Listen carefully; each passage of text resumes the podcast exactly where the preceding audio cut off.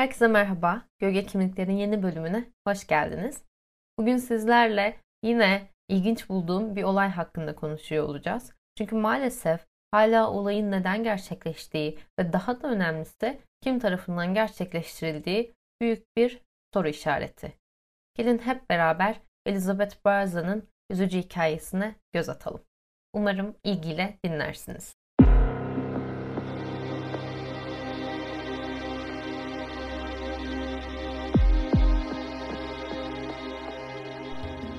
Şimdi sizlerle beraber 2019 yılına gidiyoruz.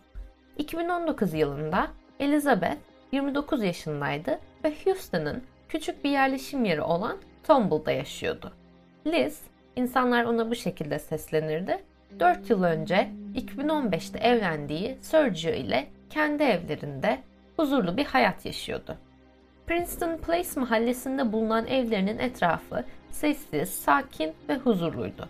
Tam olarak kafa dinlemek için uygun bir yerdi burası. Küçük bir yer olan bu mahalleden fazla yabancı araba da geçmezdi ve insanlar da birbirlerini iyi tanırdı. Sergio ve Liz'in ilişkisi gayet güzel ve mutlu bir şekilde devam ediyordu. Çift 4 yıldır evliydi ve bundan önce de sanırım 2 yıllık bir ilişki süreçleri vardı. Tüm bu yıllar boyunca etraflarındaki insanlar tarafından oldukça uyumlu ve mutlu bir çift olarak tanımlanıyorlardı. Birbirlerine değer verirlerdi ve eş olmanın yanı sıra aslında çok da iyi iki arkadaşlardı. Çiftin henüz bir çocuğu yoktu fakat bir tane köpek sahiplenmişlerdi. Sergio eşinden bahsederken onunla harika anlaştıklarını, neredeyse hiç kavga etmediklerini ve aynı şeyleri yapmaktan zevk aldıklarını söylerdi. Aslında ikisinin bir araya gelmesini sağlayan şey de bu ortak zevklerdi. Liz, Star Wars ve Harry Potter film serilerine resmen takıntılıydı ve bu film serileriyle ilgili birçok etkinliğe katılırdı. Bu etkinliklerde bu filmlerden hoşlanan insanlar bir araya gelir ve kostümler giyerek vakit geçirirdi. Liz ve Sergio da tam olarak bu şekilde tanıştı. Günün birinde yine Star Wars'la alakalı bir etkinlik düzenleniyordu. İnsanlar Star Wars karakterlerine bürünüyor ve etkinlik kostümleriyle beraber devam ediyordu. Aynı gün Liz ve Sergio da oradaydı ve böylelikle tanışmış oldular. Liz'in arkadaşları ondan çok kibar, başkalarının dertleriyle ilgilenen, onları mutlu edip güldürmek isteyen birisi olarak bahsederdi. Bu biraz önce bahsettiğim etkinlik de aslında bir topluluğun düzenlediği bir etkinlikti ve Liz ile Sergio bu topluluğa üyeydi. Topluluğun sürekli yaptığı bir diğer etkinlik ise üyeleri kostümleriyle beraber hastanelere göndermekti. Böylelikle Liz hasta insanlara, özellikle çocuklara orada geçirdikleri süre boyunca biraz moral olabiliyordu. Liz böyle etkinliklere karakterinden dolayı katılmaktan çok mutluydu ve hasta insanları güldürebilmek için elinden geleni yapardı. Elizabeth ve Sergio'nun hayatı aşağı yukarı bu şekilde ilerliyordu. İkili işlerinden boş vakit bulduklarında bu tarz etkinliklere katılıyor ve mutlu, huzurlu bir hayat sürüyorlardı. 2019 Ocak ayının sonlarına doğru çiftin 5. yıl dönümü yaklaşmaktaydı ve bu yıl dönümleri için tam kendilerine uygun bir plan yaptılar. Yıl dönümlerinde Orlando, Florida'da bulunan Universal Studios'u ziyaret etmeyi planlıyorlardı. Böylelikle Harry Potter dünyasını ve oradaki parkları gezip oranın atmosferini deneyimleyebileceklerdi. Şimdi olayların yaşandığı güne gelelim. 25 Ocak 2019 günü o sabah oldukça erken bir saat olan 6.48'de Sergio işe gitmek için evden ayrıldı. Normalde Elizabeth'in de işe gitmesi gerekiyordu ama o gün hasta olduğunu söyleyerek işten izin aldı. Fakat Liz aslında hasta değildi. Sadece o gün için başka bir planı vardı. Daha önce hiç garage sale tabirini duydunuz mu bilmiyorum. Ama duymayanlarınız varsa diye kısaca açıklamak istiyorum. Garage sale, garaj satışı diyelim. Özellikle Amerika Birleşik Devletleri'nde çok popüler olan bir satış türü. İnsanlar evlerinde artık kullanmadıkları ya da ihtiyaçlarından fazla olan şeyleri evlerinin önlerinde normalden çok daha ucuza bir fiyata bu yolla satıyorlar. Elizabeth'in de o günkü planı tam olarak bunu yapmaktı. Bunun sebebi de elbette çıkacakları yıl dönümü tatili için ekstra para kenara koymaktı. Bir diğer sebep de Sergio'ya gittikleri yerden küçük hediyeler almak istemesiydi. İki gün sonra da yola çıkacaklarını düşünürsek elini çabuk tutmak istiyordu. Elizabeth bu küçük gezi için o kadar heyecanlıydı ki valizini ve ayakkabılarını bile Harry Potter temasına uygun bir şekilde uyarlamıştı. Çift yola çıkmak için hazırdı ve çoktan toplanmıştı. Bu arada çiftin bu planı ile ilgili çok az kişinin haberi vardı. Plandan haberdar olanlar ikilinin aileleri ve birkaç tane de arkadaşlarıydı. Garaj satışı düzenlemek aslında Elizabeth'in bu eve taşındıklarından beri her yıl düzenli olarak gerçekleştirdiği bir şeydi. Fakat bu seferkinde bir takım farklılıklar bulunuyordu. Sergio ve Elizabeth bu seferki satışı yalnızca bir gece önceden planladılar. Bu yüzden sosyal medyada duyuracak ya da evlerinin yakınlarına, mahallelerine ilan asacak vakit bulamadılar.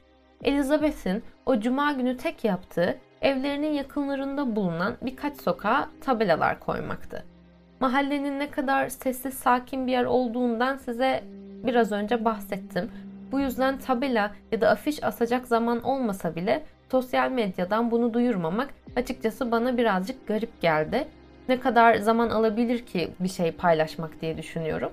Ama burada da aklıma şu geliyor. Elizabeth işe gitmemek için hasta olduğunu söylemişti. Belki de yalanın ortaya çıkması riskini göze alamadı. Bu yüzden de sosyal medyada hiçbir şey paylaşmadılar. Sergio evden ayrılırken Elizabeth de uyanıktı ve erkenden garaj satışı için hazırlıklara başlamayı planlıyordu. Eşini işe giderken yolcu etti ve daha sonra standını kurmaya başladı. Sergio gideli daha 4 dakika olmuştu ki o korkunç olay gerçekleşti. Kısacık bir zaman diliminde gerçekleşen bu olay Sergio ve Liz'in karşılarında bulunan bir evin güvenlik kameralarına takıldı. Kamera görüntülerinden izlediğimiz üzere olay şu şekilde gerçekleşiyordu. Saat tam olarak 6.52 idi ve siyah bir araç Liz ve Sergio'nun evine yaklaştı. Daha sonra da araba caddenin karşısında durdu. Sürücü tarafından inen şahıs arabayı çalışır vaziyette bıraktı ve Elizabeth'e doğru yürümeye başladı. Elizabeth bu kişiyi fark etti ama henüz korkması için herhangi bir sebep yoktu. Daha sonra kişi iyice yaklaştığında ceketinin ya da elbisesinin altından aniden bir silah çıkardı. Bunu gören Elizabeth korkudan geri bir adım attı ve ikisi yaklaşık 8 ya da 10 saniye boyunca bir şeyler konuştu. Maalesef ne konuştukları hakkında herhangi bir bilgimiz yok ama buna biraz daha sonra değineceğim. Bu kısacık konuşmanın ardından arabadan inen kişi Elizabeth'e tam 3 el ateş etti. Göğsüne hedeflenen bu 3 kurşun sonrasında Elizabeth yere yığıldı. Bunun üzerine bu şahıs öldüğünden emin olmak için Elizabeth'i bir kere de kafasından vurdu. Ardından hızla arabasına geri koşarak olay yerinden ayrıldı. Görüntülerin ilerleyen dakikalarında da fark edildi ki aynı araç olay yaşandıktan tam 2 dakika sonra aynı yerden tekrar geçmişti. Bunun sebebini bilmiyoruz ama muhtemelen Elizabeth'in ölüp ölmediğini kontrol etmek istedi ya da araçtaki kişi sayısına bağlı olarak istediler. Silah seslerinin ardından komşular derhal 911'i arayarak ekiplere haber verdi. Olay yerine çok kısa sürede ulaşan ekipler Elizabeth'i hemen hastaneye götürdü. Elizabeth'in götürüldüğü hastane onun gönüllülük hizmetlerinde bulunduğu hasta insanlarla, hasta çocuklarla vakit geçirip onları güldürmeye ve mutlu etmeye çalıştığı hastaneydi. Doktorların, hemşirelerin bütün uğraşlarına rağmen Elizabeth Faraza hastaneye kaldırıldıktan birkaç saat sonra maalesef ki vefat etti. Fakat vefat ettiğinde bile insanlara iyiliği dokundu. Çünkü kendisi bir organ bağışçısıydı. Vefatından sonra kalbi, karaciğeri ve böbrekleri organ bağışı bekleyen insanlara bağışlandı. Yaşanan olayın ardından Sergio anında bilgilendirildi. İlk başta Sergio bunun bir hırsızlık olayı olabileceğini ve Elizabeth direnince bu şekilde sonuçlandığını düşündü. Fakat olay yeri incelendiğinde görüldü ki eşyaların hiçbirine dokunulmamıştı. Çalınan tek bir parça bile yoktu. Elizabeth'in bir kutuda para üstü vermek için yanında getirdiği 100 doları da eşyalarının yanındaydı ve paraya da dokunulmamıştı. Bu da demek oluyordu ki cinayeti işleyen kişinin tek bir amacı vardı ve o da Elizabeth'i öldürmekti. Haberi duyar duymaz hastaneye koşan Sergio son anlarında eşinin yanındaydı ve ellerini tutarak ona onu sevdiğini söylüyordu. Eşinin evin önünde bir şeyler satacağını düşünerek işe gittikten sonra böyle inanması güç bir haber almak ne kadar kötüdür tahmin bile edemiyorum. Yalnızca iki gün sonra çok güzel bir tatile çıkacaklardı ve bunun için çok heyecanlıydılar. Üstelik sorunsuz bir şekilde ilerleyen evliliklerinin 5. yılını kutluyor olacaklardı. Bu haberle Sergio'nun ve Liz'in ailesinin yaşadığı yıkım elbette ki çok büyüktü. Bütün mahalle, Elizabeth'i tanıyan herkes bu haberle beraber resmen şoka girdi. Çünkü birinin Elizabeth'i öldürmek isteyeceği akıllarından bile geçmezdi. Kimseyle hiçbir sorunu olmayan bu kadının öldürülmüş olması gerçeği bir türlü akıllarına yatmıyordu. Üstelik mahallelerinde böyle bir olayın yaşanmış olması da onlar için inanılmazdı. Cinayetin ardından tam bir hafta sonra mahallede bulunan insanlar, arkadaşlar, Sergio ve çiftin aileleri bir anma töreni düzenledi. Sergio'nun anma töreni boyunca resmen sesi titriyordu. Ne kadar üzgün olduğu açıkça belliydi. Yaptığı konuşmada da en azından ona söylediği son şeyin onu sevdiği olduğu ve gitmeden önce onu öptüğü gerçeğiyle de kendini avuttuğunu söyledi. İnsanlar anma törenine ya asalar ile ya da bu ışıklı kılıçlar ile gelmişlerdi. Bunun sebebi de anma töreninde Elizabeth'in Harry Potter ve Star Wars hayranlığına atıfta bulunmaktı. Yaşanan bu olaydan sonra polis hemen harekete geçti. Öncelikle konuşulanlar arasında elbette ki mahalleli vardı. Herhangi bir görgü tanığı olup olmadığı araştırılıyordu. Ama siz de tahmin edersiniz ki saat o kadar erkendi ki kimse bir şeye şahit olmamıştı. Mahalledeki insanların düşündüğüne göre bu aslında Elizabeth'in hedef alındığı bir cinayet değil de rastgele işlenmiş bir cinayetti. Çünkü genç kadın herkes tarafından sevilirdi ve bilinen bir düşmanı ya da kavgalı olduğu kimse yoktu. Bu yüzden buna benzer bir cinayetin tekrar yaşanılabileceğini düşünüyor ve korkuyorlardı. Polislerin yaptığı ilk iş olay yerinin etrafını çevrelemekti ve böylelikle herhangi bir delilin ortadan kaybolmasını engelleyeceklerdi. Bütün bahçe ve evin etrafı sarı şeritlerle kaplandı. İncelenen olay yerinde herhangi bir kurşun kovanına rastlanmadı. Bu da polisleri şunu düşünmeye itti. Muhtemelen kullanılan öldürme aracı bir altı patlardı. Benim pek bir bilgim yok ama sanırım altı patlar ateşlendiğinde kurşun kovanını dışarıya savurmuyor. Bu durum olayın çözülmesini aslında oldukça zorlaştırdı çünkü polislerin elinde herhangi bir adli kanıt yoktu. Kurşun kovanlarının haricinde olay yerinde DNA, parmak izi ya da saç tellerine kadar arama yapıldı ama elde hiçbir şey yoktu. Şimdi kamera kayıtlarına gelecek olursak. Hatırlarsanız evin karşısındaki bir komşunun güvenlik kamerasına olay anının yansıdığından bahsettim. Fakat görüntü maalesef net olmaktan oldukça uzaktı. Öyle ki cinayeti işleyen kişinin cinsiyeti bile tam olarak belirlenemedi. Araştırmacılar bu kişinin yürüyüş şeklinden ve elbiseye benzer bir şey giymesinden ötürü ne giydiği de bu arada soru işareti bu kişiyi bir kadın olarak yorumladı. Saçları da sanırım uzundu fakat burada da şöyle bir şey söylendi. Katilin polisi yanıltmak için kadın kılığına girmiş olabileceği ve peruk kullanıyor olma ihtimali de vardı. Önemli bir ayrıntı daha, Elizabeth ve Sergio'nun sanıyorum ki evlerinin kapı zilindeki kameranın kaydettiği sese göre. Elizabeth ona yaklaşan kişiyi gördüğü anda sevecen bir tavırla diyebiliriz. Bu kişiye günaydın dedi. Hatırlayın katil silahı sonradan çıkartmıştı ve bu yüzden ilk başta Elizabeth bu kişiden korkmadı ya da ürkmedi. Bu da demek oluyor ki onu öldüren kişi Elizabeth'in tanıdıklarının içinde hoşlanmadığı birisi olmaktan uzaktı. Tabi bu sefer de şu soru akıllara geliyor. Bu kişi Elizabeth için tanıdık bir yüz müydü yoksa tamamen bir yabancı mıydı? Bana kalırsa ben Elizabeth'in bu kişiyi tanıdığını düşünmüyorum.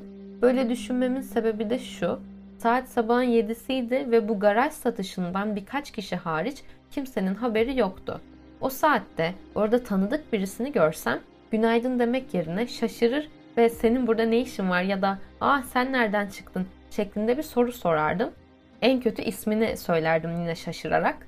Bu yüzden ben bu kişinin yabancı birisi olduğunu ve Elizabeth'in de onu müşteri olarak karşıladığını düşünüyorum. Başka bir açıdan yakalanan farklı görüntüler sayesinde arabanın markası ve modeli belirlendi. Ekiplerin çıkardığı sonuca göre şüpheli araç 2013 ya da daha yeni bir model 4 kapılı siyah bir Nissan Frontier Pro 4X'te. İlginç olan ise mahalledeki kimse daha önce böyle bir aracı civarda görmemişti. Polisler etraftaki kameraları incelemeye devam ettikçe fark etti ki aynı araç olay yaşanmadan bir gün önce de oradan geçiyordu. Daha sonra size önceden bahsettiğim gibi olay yaşandıktan 2 dakika sonra da yine olay yerinden geçiyordu. Düşününce bu biraz amatörce bir hareket bence. Çünkü sonuçta o kadar el silah ateşlendikten sonra insanlar merak edip dışarı çıkmıştır ve oradan tekrar geçerek aslında katil kendisini büyük bir riske atmış. Dedektiflerden birisi bu durumu şöyle açıklıyor. Ona göre cinayet işlendikten sonra katil birisini arayarak işi hallettiğini söyledi ve daha sonra telefondaki kişi de emin misin diyerek ondan olay yerini kontrol etmesini istedi. Bu da akılları bir kiralık katil ihtimalini getirdi ama ben bir kiralık katilin böyle amatörce bir hata yapacağını düşünmüyorum. Polisin elindeki tüm bilgiler yalnızca bunlardan ibaret olunca işleri tahmin edersiniz ki hiç kolay değildi. Kimsenin şüphelendiği birileri de yoktu ve bu da işleri iyice zorlaştırıyordu. İlk olarak bu tür davalarda genellikle gördüğümüz üzere Sergio sorgulandı. Herkesin bildiği gibi çiftin evliliğinde hiçbir problem yoktu. Yine de herhangi bir aldatma durumuna karşılık ikisinin de telefonları kontrol edildi. Kontroller sonrasında ikisinden birisinin başkasıyla bir ilişki yaşadığına dair hiçbir delil bulunamadı. Bunun yanı sıra telefonlar herhangi bir tehdit mesajı var mı diye de incelendi ama yine buna dair de bir şey yoktu. Şimdi gelin bütün olayları tekrar kısaca bir gözden geçirelim. Öncelikle katilin o çevreden ya da mahalleden olmadığı düşünülüyordu. Bu kişi ya da kişiler cinayeti işlemeden bir gün önce etrafı gözetlemeye geldi ve mahallenin etrafında dolandı. Olaydan kaç kişinin sorumlu olduğunu, en azından arabanın içinde kaç kişi olduğunu bilmiyoruz. Fakat dedektiflerin söylediği ve tahmin ettiğine göre cinayet saatinde arabada yalnızca bir kişi vardı. Bunu da şundan yola çıkarıyorlardı. Hatırlarsanız size katilin sürücü koltuğu tarafından aşağı indiğini söylemiştim. Bu noktada dedektiflere göre eğer arabada iki ya da daha fazla kişi olsaydı sürücü koltuğundaki kişi yerine onlardan birisi aşağı inip bu cinayeti işlerdi. Böylelikle işlerini birkaç saniyede olsa daha hızlı halletmiş olurlardı. Bu bence de çok mantıklı. O yüzden ben de arabada tek kişi olduğunu düşünüyorum. Devam edelim. Sergio bu olay yaşanmadan tam olarak 4 dakika önce evi terk etti. Buna ya iyi zamanlama diyebiliriz ya da çok daha mantıklı bir seçenek olan katilin zaten evi o sırada gözetlediğini söyleyebiliriz. Sergio'dan hemen sonra şahıs Elizabeth'e yaklaştı ve onu öldürdü. Olay yerinden de hiçbir şey eksilmemişti. Önemli olduğunu düşündüğüm bir nokta olayın gerçekleşme saati. Biliyoruz ki bu garaj satışı son anda alınan bir karardı ve bu satıştan neredeyse kimsenin haberi yoktu.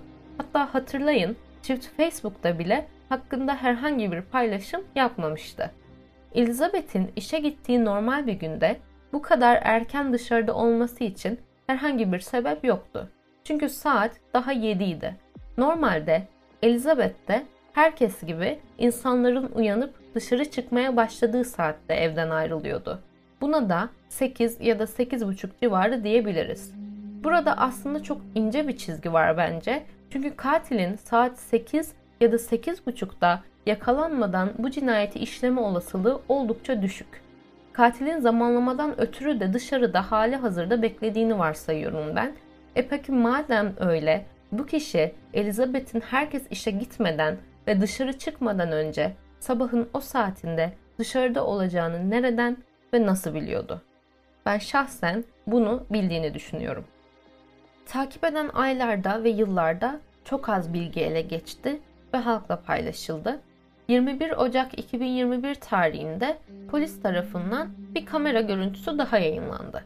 Bu da Elizabeth ve Sergio'nun evinin zillerinde bulunan kameranın olay anında kaydettiği görüntülerdi ve aynı zamanda görüntülerde ses de mevcuttu. Ama bunu asıl görüntüyle karıştırmayın çünkü cinayetin işlendiğini gördüğümüz video karşıdaki bir evin güvenlik kamerası tarafından kaydedildi. Bu yeni video ile beraber davadan sorumlu dedektiflerden birisiyle röportaj yapıldı ve bu dedektif katil için şunları söyledi. Umarım geceleri rahat uyuyamıyorsundur ve bu olaydan dolayı pişmanlık ve üzüntü duyuyorsundur.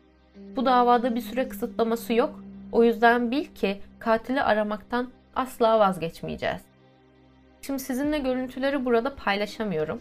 O yüzden yalnızca sesi dinleyebileceksiniz. Videoyu Instagram hesabından paylaşıyor olacağım. Ama videoda da pek bir görüntü yok. Yalnızca arabayı görebiliyoruz. Bu seste Elizabeth ve katilin 8-10 saniyelik konuşması mevcut. Fakat Elizabeth'in günaydın deyişinden başka bir şey duyulmuyor. En azından benim tek duyabildiğim bu. Muhtemelen siz de Liz'in good morning deyişinden başka bir şey duyamayacaksınız. Daha sonra da dört el silah sesi ve aracın uzaklaşması duyuluyor. Eğer bundan rahatsız olacaksanız lütfen bölümü bir 35-40 saniye ileri sarın.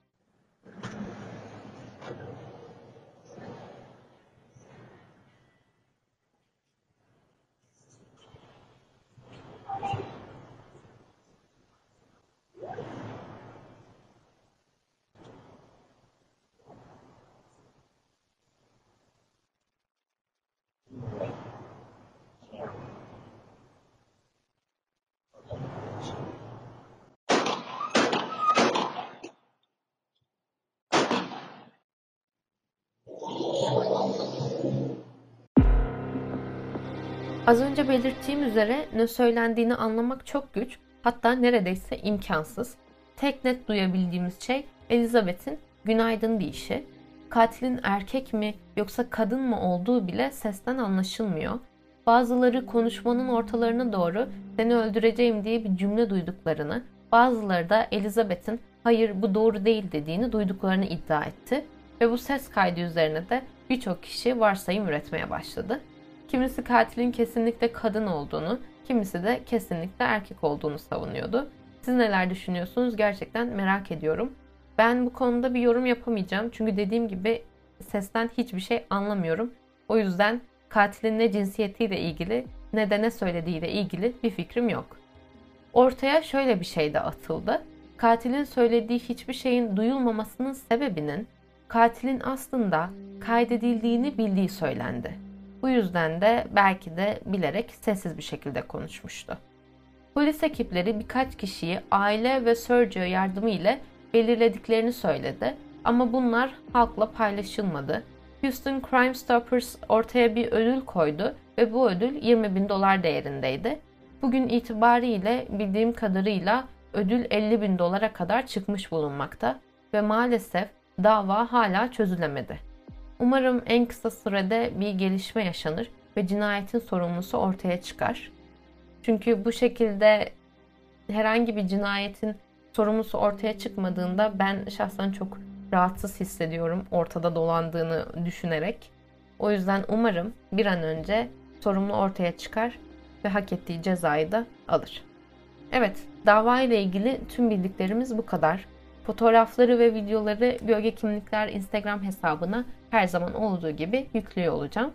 Sizin görüşlerinizi de merak ediyorum. Lütfen benimle paylaşın. Bir sonraki bölümde görüşmek üzere. Kendinize iyi bakın.